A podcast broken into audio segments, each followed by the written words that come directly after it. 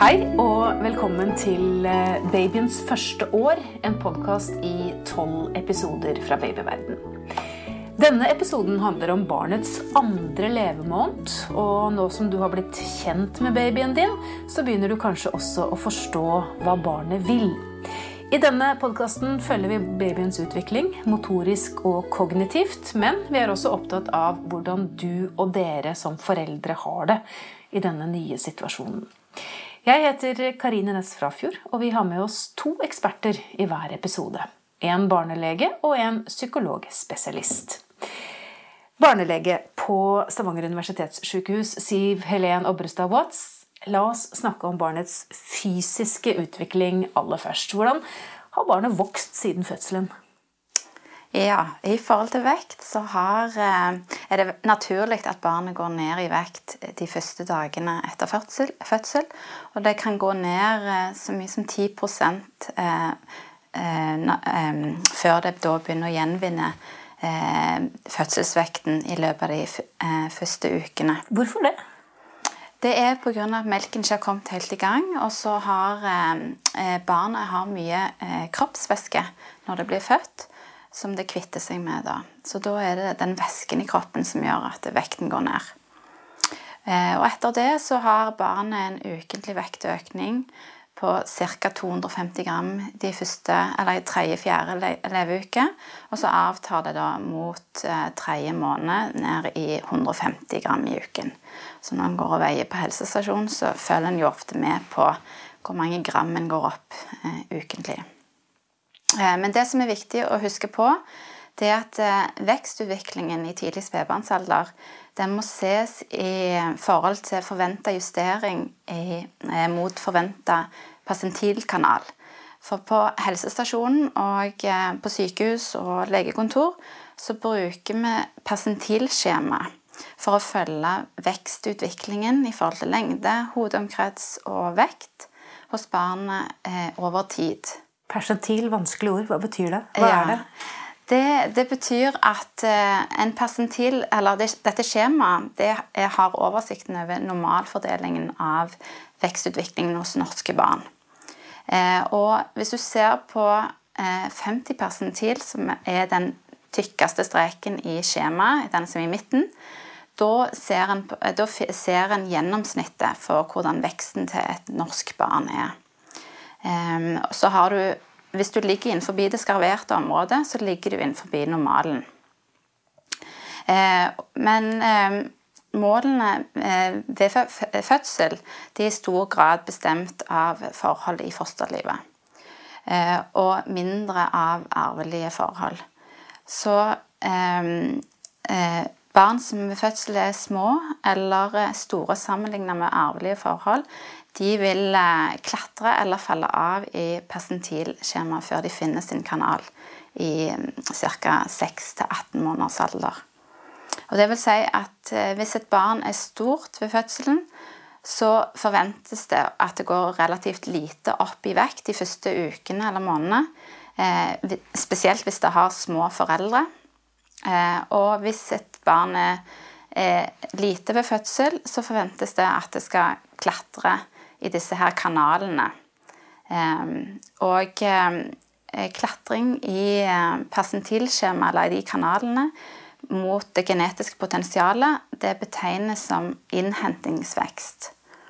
Og barn som er veksthemma pga. Ehm, eh, dårlig morkakefunksjon, f.eks., eh, de, de får typisk en betydelig innhentingsvekst eh, de første seks til tolv månedene. Eh, mens lengdeveksten den er fra fødselen eh, først og fremst eh, en fortsettelse av veksten i slutten av fosterlivet. Og så er den i hovedsak bestemt av genetiske faktorer og riktig ernæring. Sånn at i gjennomsnitt så er For et nyfødt jentebarn så veier det 3,5 kg, og gutt veier ca. 200 gram mer.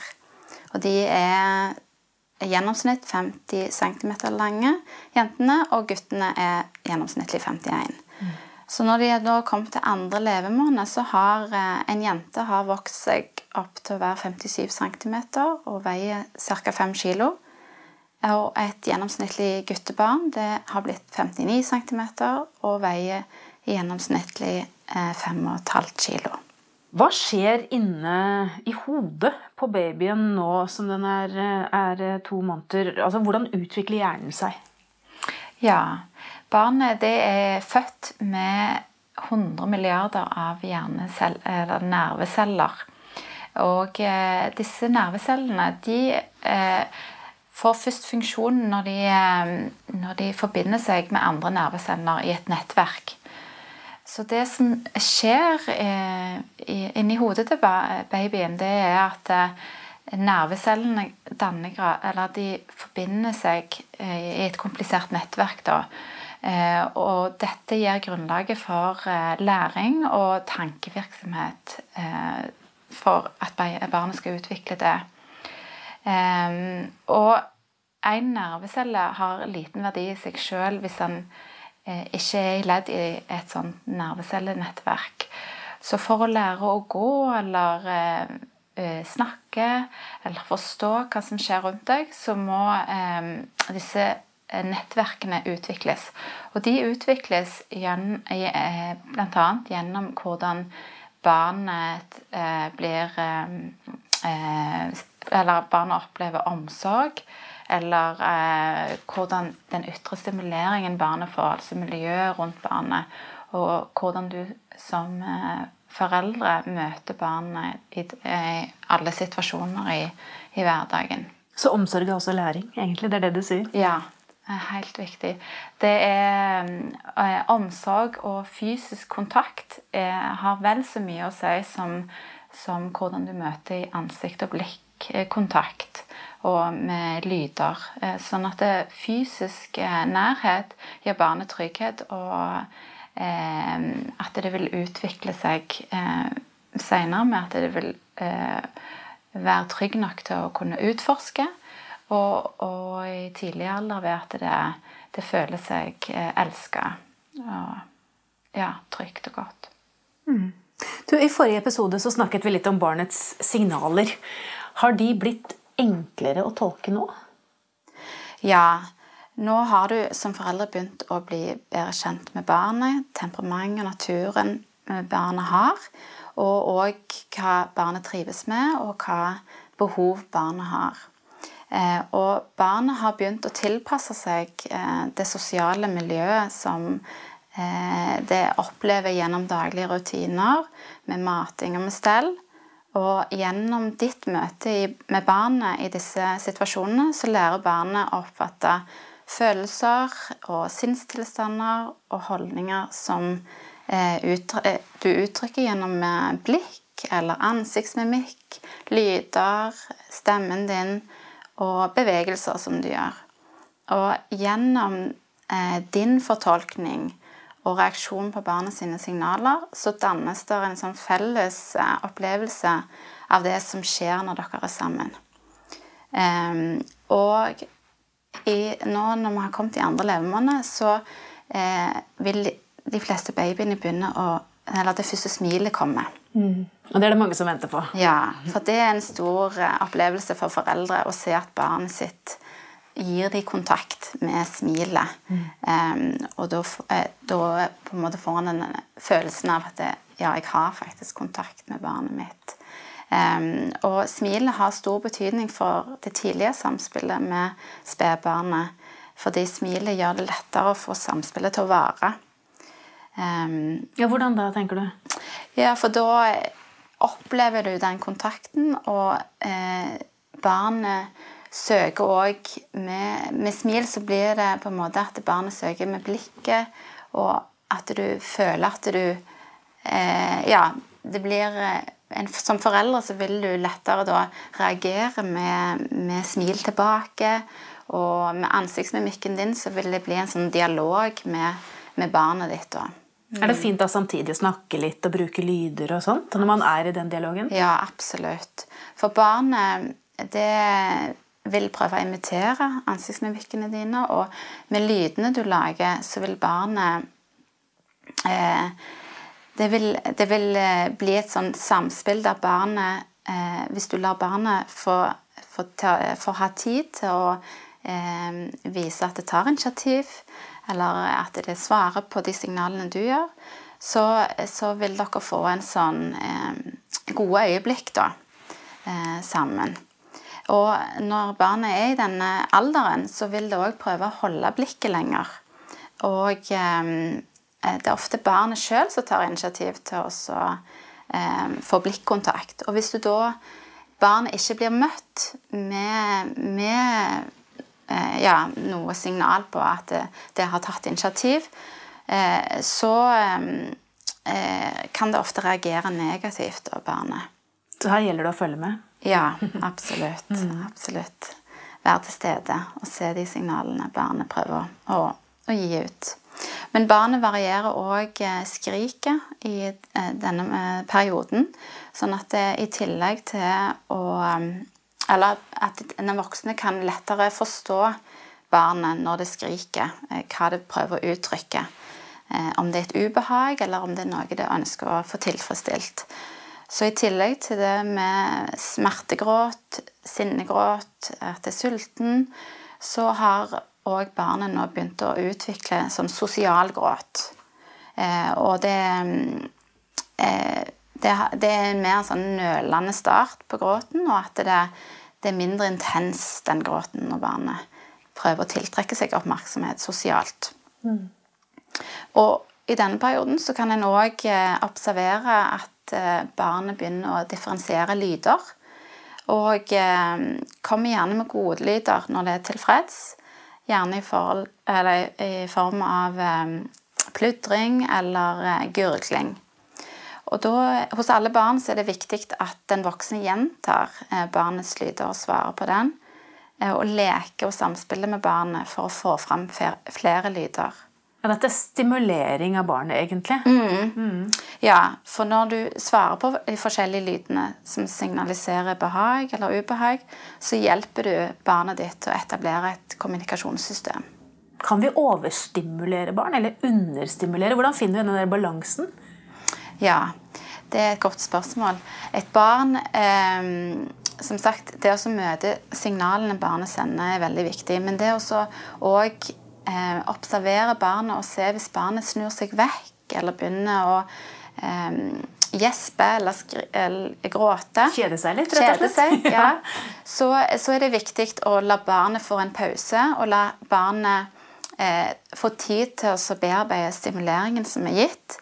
Og, og, at du ser at barnet er klart til, til ny stimulering. For et barn kan faktisk bli overstimulert hvis de ikke får tid til å svare på de eh, eh, på en måte det tilsnakket, eller at de kan sjøl regulere at de er med i en, i en um, dialog med den omsorgspersonen. Da. Så det er viktig for barn å utvikle denne her reguleringen av, av um, emosjonell um, uh, ja, kommunikasjon, da. Når barnet er to måneder, eller rundt to måneder, hvordan er motorikken? Når skal de på en måte lære seg å løfte hodet, kanskje, eller bruke kroppen sin? Ja, nå, nå, nå, har de begynt å lære seg å løfte hodet når de er kommet i andre levemåned. Da klarer de å holde hodet i mageleie, i hvert fall. Og når du holder barnet i fanget, så skal de klare å holde hodet oppreist. Um, og i andre og tredje levemåned så vil noen av babyens primitive reflekser de begynner å bli svakere, og bevegelsen blir mer viljestyrte. Og Da kan du observere at barnet blir aktiv på en ny måte og gjør ting som ikke er lenger så refleksbetinga. For de første ukene så har barnet lite kontroll over armene. Eh, og det har vansker med å strekke seg etter gjenstander eller gripe gjenstander som gjør at de ikke klarer å utforske omgivelsene sine. Og i andre levemåneder så avtar denne griperefleksen eh, i hendene. Og de forskjellige kroppsdelene kan da bevege seg mer uavhengig av hodestillingen. Og, eh, så snart da barnet klarer å bevege armen sånn at det klarer å nå ting, så vil det da eh, ta dette mot munnen og så begynne å utforske.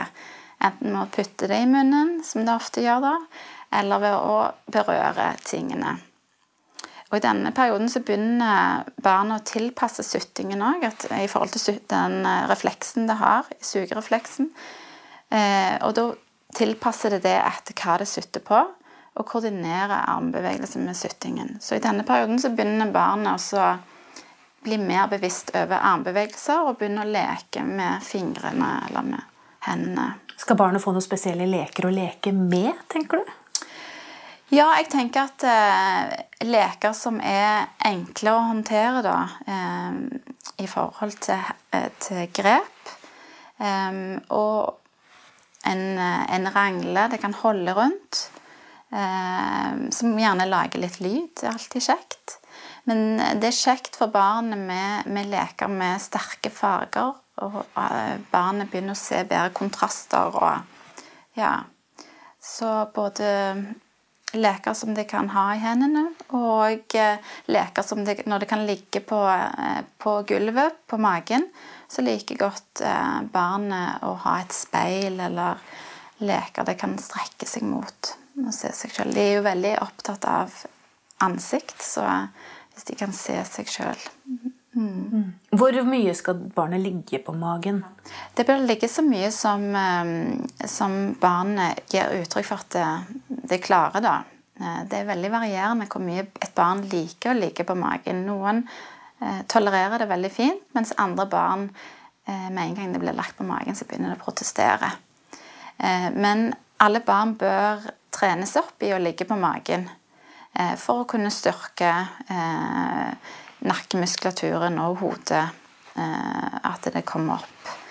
Så, sånn at en bør jevnlig legge barnet på magen og la det ligge litt lenger enn at det begynner å sutre eller gjøre litt uttrykk for at det ikke trives så godt. Så kan det ligge litt lenger, og så løfter du det opp. Men det som er veldig lurt, det er også i starten, hvis barnet ikke er så glad i å ligge på magen, det er å legge det oppå Hvis du ligger mm, sjøl på rygg, og så legger du barnet oppå mage eller brystet ditt, så vil barnet ønske å se på ansiktet ditt, og så løfter barnet da hodet for å se mot, mot, ansiktet ditt. Så det er en god måte å begynne på hvis barnet ikke er glad i å ligge nede på en matte.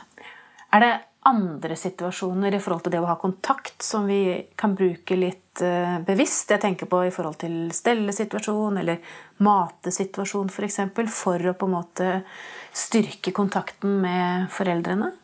Ja, absolutt. Begge de situasjonene som du nevner nå, er veldig, veldig fine situasjoner å, å styrke samspillet med barnet. For du kommer veldig nært opp til barnet, og du vil eh, automatisk være i kontakt med blikket. Og du vil da kunne bruke mimikken din. Eh, du vil kunne snakke til barnet, kanskje. Du legger tonen litt, litt sånn lyst, litt sånn fin stemme, stemme for barnet å lytte til.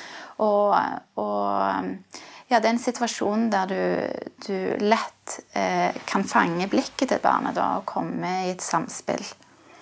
Eh, og det som er så viktig, da, er jo det at du at eh, barnet forstår Hvis barnet eh, viser med ansiktet at det det har det fint, f.eks., så kan du vi, eh, snakke til barnet tilbake. altså gjenspeile de følelsene barnet har da, i den situasjonen barnet er. For da lærer barnet seg at ja, du forstår mine følelser. Og at det uttrykket barnet gjør, at det faktisk spiller inn på den, som, den andre personen som er i, i, den, i samspillet. da. Mm. Men du, Apropos tilstedeværelse. Vi har jo fått en, en stor fiende eh, når det gjelder eh, det å være til stede, og det er mobiltelefonen, som veldig mange er opptatt av. På godt og vondt, kan vi vel nesten si. Eh, hva tenker du om eh, foreldres bruk av mobiltelefon, f.eks. under amming eller når man er i nærheten av barn? Skal man være litt bevisst på det? Absolutt. En må være veldig bevisst på det. For det, eh, det, når en bruker en mobiltelefon, så tar det vekk både oppmerksomheten og at du er sensitiv for barnet. Så det stjeler på en måte deg som omsorgsperson. Da. Barnets signaler blir ikke fanga opp på samme måte. Um, fordi du kanskje ikke er helt til stede um, både fysisk eller uh, da, sosialt. Så, så, det å være litt bevisst på å legge mobilen vekk i de periodene barnet er, søker kontakt og er klar for å ha et samspill, Eh, det er veldig lurt, tenker jeg. Så får du heller, hvis du har overskuddet, eh, se på mobilen når barnet sover. Eh, hvis du ikke ønsker å sove sjøl i de periodene. Tenker jeg at Litt streng der? Ja, men jeg tenker det er så viktig for barnets utvikling. Mm. Veldig viktig hvordan du, hvordan du, er med i det samspillet, og spesielt de første ukene og månedene av barnets liv. Så er det så mye som skal etableres der at hvis du er på en måte halvveis med og sitter halvveis på telefonen, så er det veldig forstyrrende for barnet, og barnet kan bli fort stressa hvis, hvis, ikke du møter det med blikk, eller ja, som tidligere, sagt tidligere, at barnet da eh, prøver å gi deg sine eh, blikk, eller få lengre blikk, og du ikke møter tilbake, så vil barnet oppleve det som veldig negativt. Mm. Takk skal du ha, barnelege Siv Helen Obrestad Watz.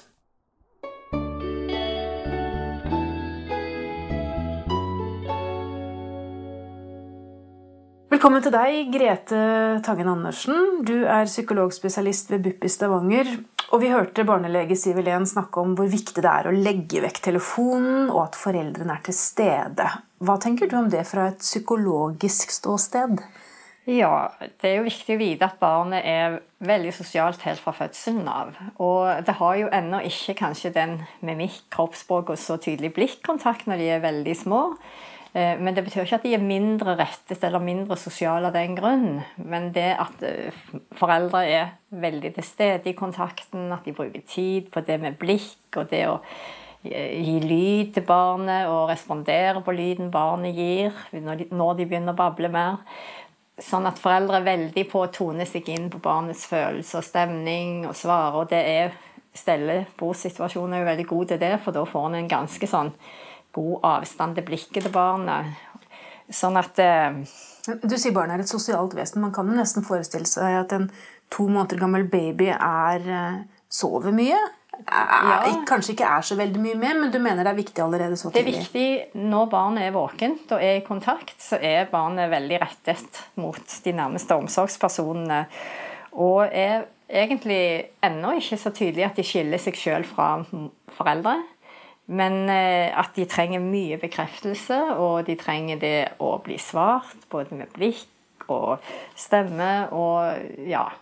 Og det du sa, det med mobilbruk, ikke sant, så er det jo sånn at barn lærer jo oppmerksomhet og konsentrasjon av at den voksne eller foreldrene som er med de helt fra starten faktisk er konsentrert i kontakten og kommunikasjonen. Og så tenker noen er det så farlig med å sjekke Facebook litt på siden? Ja, det at jeg tenker på en måte at når en kommuniserer med en baby òg, så er det en kommunikasjonssituasjon. Og da, den har jo en start, og så har en en periode hvor en er i kontakt. Og så vil det av og til brytes naturlig. Barnet kan snu seg bort fordi det blir litt trøtt, og så kan den voksne vente for å se om barnet kommer tilbake.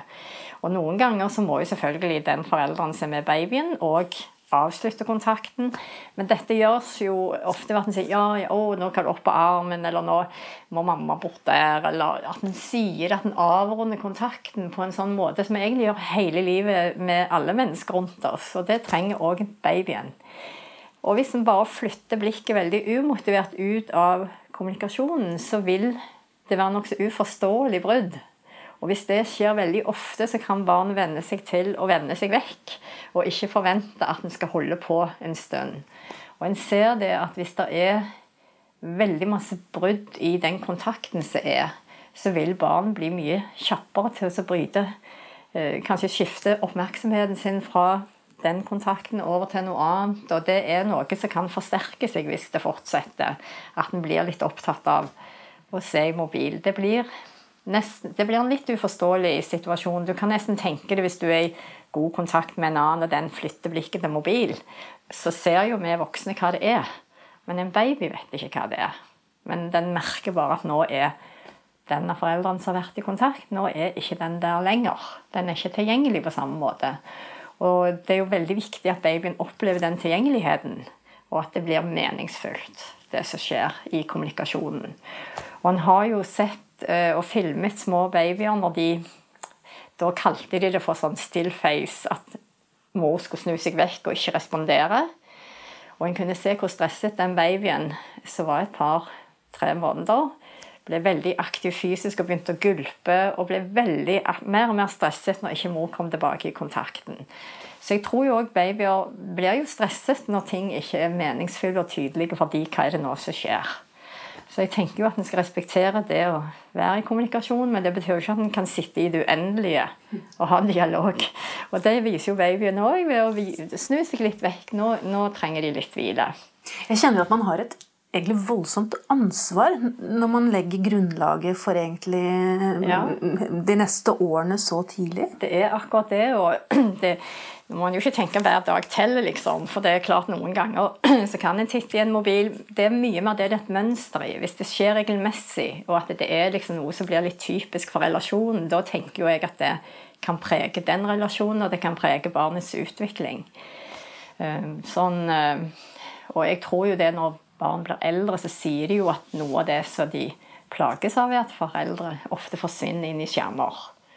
Og, og, det tenker jeg er fra tidlig av at en skal på en måte holde Venne seg til kanskje holde konsentrasjonen til en ser at babyen sjøl vender seg litt vekk eller blir litt trøtt i kontakten, eller at en sjøl skal gjøre noe annet og avrunde det på en grei måte. Men Hvor bevisste er eh, nybakte foreldre på dette? Dette er jo ikke noe man lærer noe sted. Nei, Med mindre man hører på denne podkasten. ja, ikke sant. ja. Nei, de, de, lærer jo egentlig ikke noe sånn tydelig at det er sånn det er. Nå kan jo mye kommunikasjons... Vi har mye kommunikasjonsferdigheter, egentlig. Eh, men det nye med alle disse mediene som kommer inn, det har kanskje forstyrret noe av den hva skal jeg si, flyten i kontakten, og det at folk kanskje ikke oppdager sjøl at de forsvinner litt. Det er veldig fort gjort, sånn som du sier, å kikke ned og, og bli opptatt av noe annet. Og, sånn at det er kanskje mer forstyrrelser i dag. Det tikker inn en melding her og ja. en snap der. Og... Ja, og det blir jo fristende å se. Mm. Og den mobilen, eller uansett hvilken skjerm en ser i, så får en jo følelse at det skjer så mye der. Så da kan det fort begynne å veksle for mye. Vi snakket om i det forrige episode og det å gå inn i sin egen boble og faktisk bare være ja. til stede med babyen. Ja, Skal man ta seg den tiden nå? Jeg tenker det er kjempeviktig. For det er noe med at babyen skal òg ha en meningsfull setting. Og jeg tror jo det å være til stede i kommunikasjonen og Hvis en baby blir litt trøtt og vender seg vekk, så er jo det òg en meningsfull situasjon. Og at en ikke maser barnet tilbake med en gang, sånn at en på en måte vil ha den At det blir for intenst. da. Men jeg tenker jo at det er en god vane eh, at en vender babyen til å holde litt kontakt. Og heller følger når barn ikke kan mer, eller orker mer, eller er sliten. Mm. Flytte oppmerksomheten. Og det er jo viktig òg å i to måneders alder, hvis babyen begynner å kikke opp etter lys, så tenker jeg det er viktig å følge babyens oppmerksomhet ut. Eh, fordi det skal være en interesse som òg den voksne blir interessert i. Hvor ser du? Og du ser på lyset. og og det henger òg litt sammen med at barnet vet at det å vende seg ut i verden er òg interessant og spennende. Og det er knyttet til varme følelser fra foreldre, og de vil følge deg ut. Og så får du på en måte litt den foreldrenes interesse med deg inni deg. Og det er òg noe som en kan se i skolen, at hvis, hvis en ikke har fått tilstrekkelig av det, så trenger en veldig mye at læreren trer inn i en mer emosjonell rolle. Mm. Eh, fordi barn lærer ikke liksom, Vender seg ikke ut hvis ikke det er noen som har fulgt det med interesse og sagt at det er viktig. 'Oi, så kjekt, og det må vi se på. Nå ser du der, og da skal jeg òg se der.' En ser hvor viktig det er at noen følger deg. Mm. For babyen er jo egentlig så knyttet til foreldrene og avhengig av foreldrenes oppmerksomhet og interesse hele tiden at de, de vil kanskje miste interesse for det er ikke foreldrene interessert i. Men du, jeg tenker, Vi hører veldig ofte noen si at uh, man blir så forelsket i barnet sitt. Man blir så opptatt av dette nye vesenet. Og det Ja. skal man være, og det er jo fantastisk. Ja. Og så er det ofte to foreldre. Uh, Ja. Og når den ene forelderen er forelsket i barnet og tilknyttet barnet, det er selvfølgelig begge, men så kan jo kanskje den andre forelderen føle seg litt utenfor. ja. Er det en problemstilling som, som du er uh, borti? Ja, det, jeg har jo vært i veldig mange barselgrupper. og det er rart, det, for det er jo det vi kaller sjalusi. Og det er jo en veldig skamfull følelse, og det er liksom en sånn fy-fy, det må du ikke føle. Og dermed vil jo folk fort benekte hva det er. Eh, Når en baby kommer inn i familien, det er to, så kommer de ut og blir tre, så er det jo det at omrokeres, alle relasjoner omrokeres, ikke sant? Og en må finne en ny plass i forhold til partneren sin, og selvfølgelig i forhold til det nye barnet, og i forhold til hvem en er sjøl. Så det er jo veldig masse endringer som foregår. Og da er det jo klart at mor er ofte veldig både til stede fysisk og psykisk for babyen sin. Det er jo noen som sier at mor fanger opp signaler på en helt spesiell måte i starten. Så ikke kan Det hadde ikke vært sunt om vi fortsatte på samme måten, men det er veldig avgjørende at du gjør det i starten. Og, og det kan jo eh, en far f.eks. føle seg ekskludert utenfor denne sterke paret der som er mor-barn. Og føler sjalusi og føler at en blir frarøvet plassen og kroppen til mor. Og, og, og det er jo klart at det kan være provoserende for mor igjen.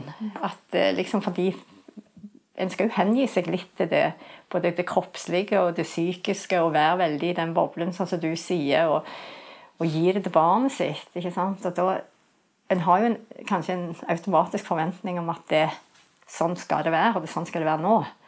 Sånn at kanskje fedre som føler på den sjalusien, føler seg veldig kjipe, og de kan føle seg avvist og bebreidet, og alle de negative følelsene som ofte kan omslutte det, og da det hjelper ikke, for å si det sånn. Og dette er man kanskje ikke forberedt på? Det kommer litt brått på, Jeg tror på, man ikke er det. Og da tror ikke f.eks. fedre heller ikke er forberedt på det. For de forventer ikke sånne følelser. For de er liksom negative. En skal, det, det er følelser som jeg snakker lite om. I hvert fall søskensjalusi har vi jo etter hvert begynt å akseptere, og folk er mer med på det. Det er liksom mer forståelig.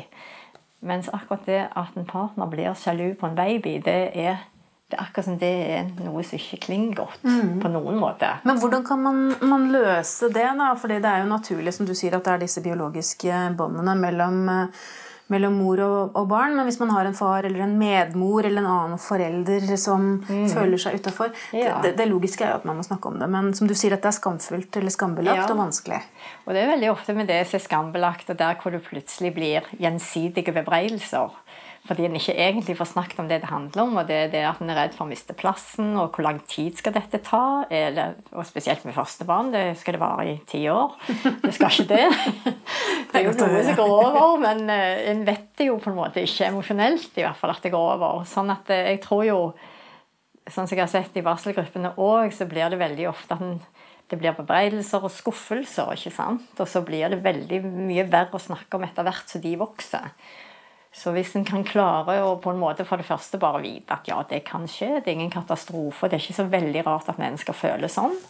For det å ha tilgang til den andre og ha den plassen en alltid har hatt, det er ganske viktig. Og det å ha tillit til at en kommer tilbake til en god, nær relasjon, selv om den alltid vil være litt annerledes enn før. Det For mange sier jo liksom sånn at jeg, skal, jeg, skal, jeg forandrer meg ikke selv om jeg får barn. Jeg skal jo Ja. leve sånn som jeg gjorde før. Det, Det er hører jeg ofte. tror i hvert fall. Ja. Ja. Har du hørt det òg? Jeg har hørt det mye, Ja. og mange som har hatt planer om hva som skal skje når de får barn. Og så sa de det var helt annerledes. Og det er jo litt sånn som vi har snakket om det med identitet, at eh, mor er jo oppi alt dette nye, og alt har jo berørt kroppen hennes på en helt spesiell måte.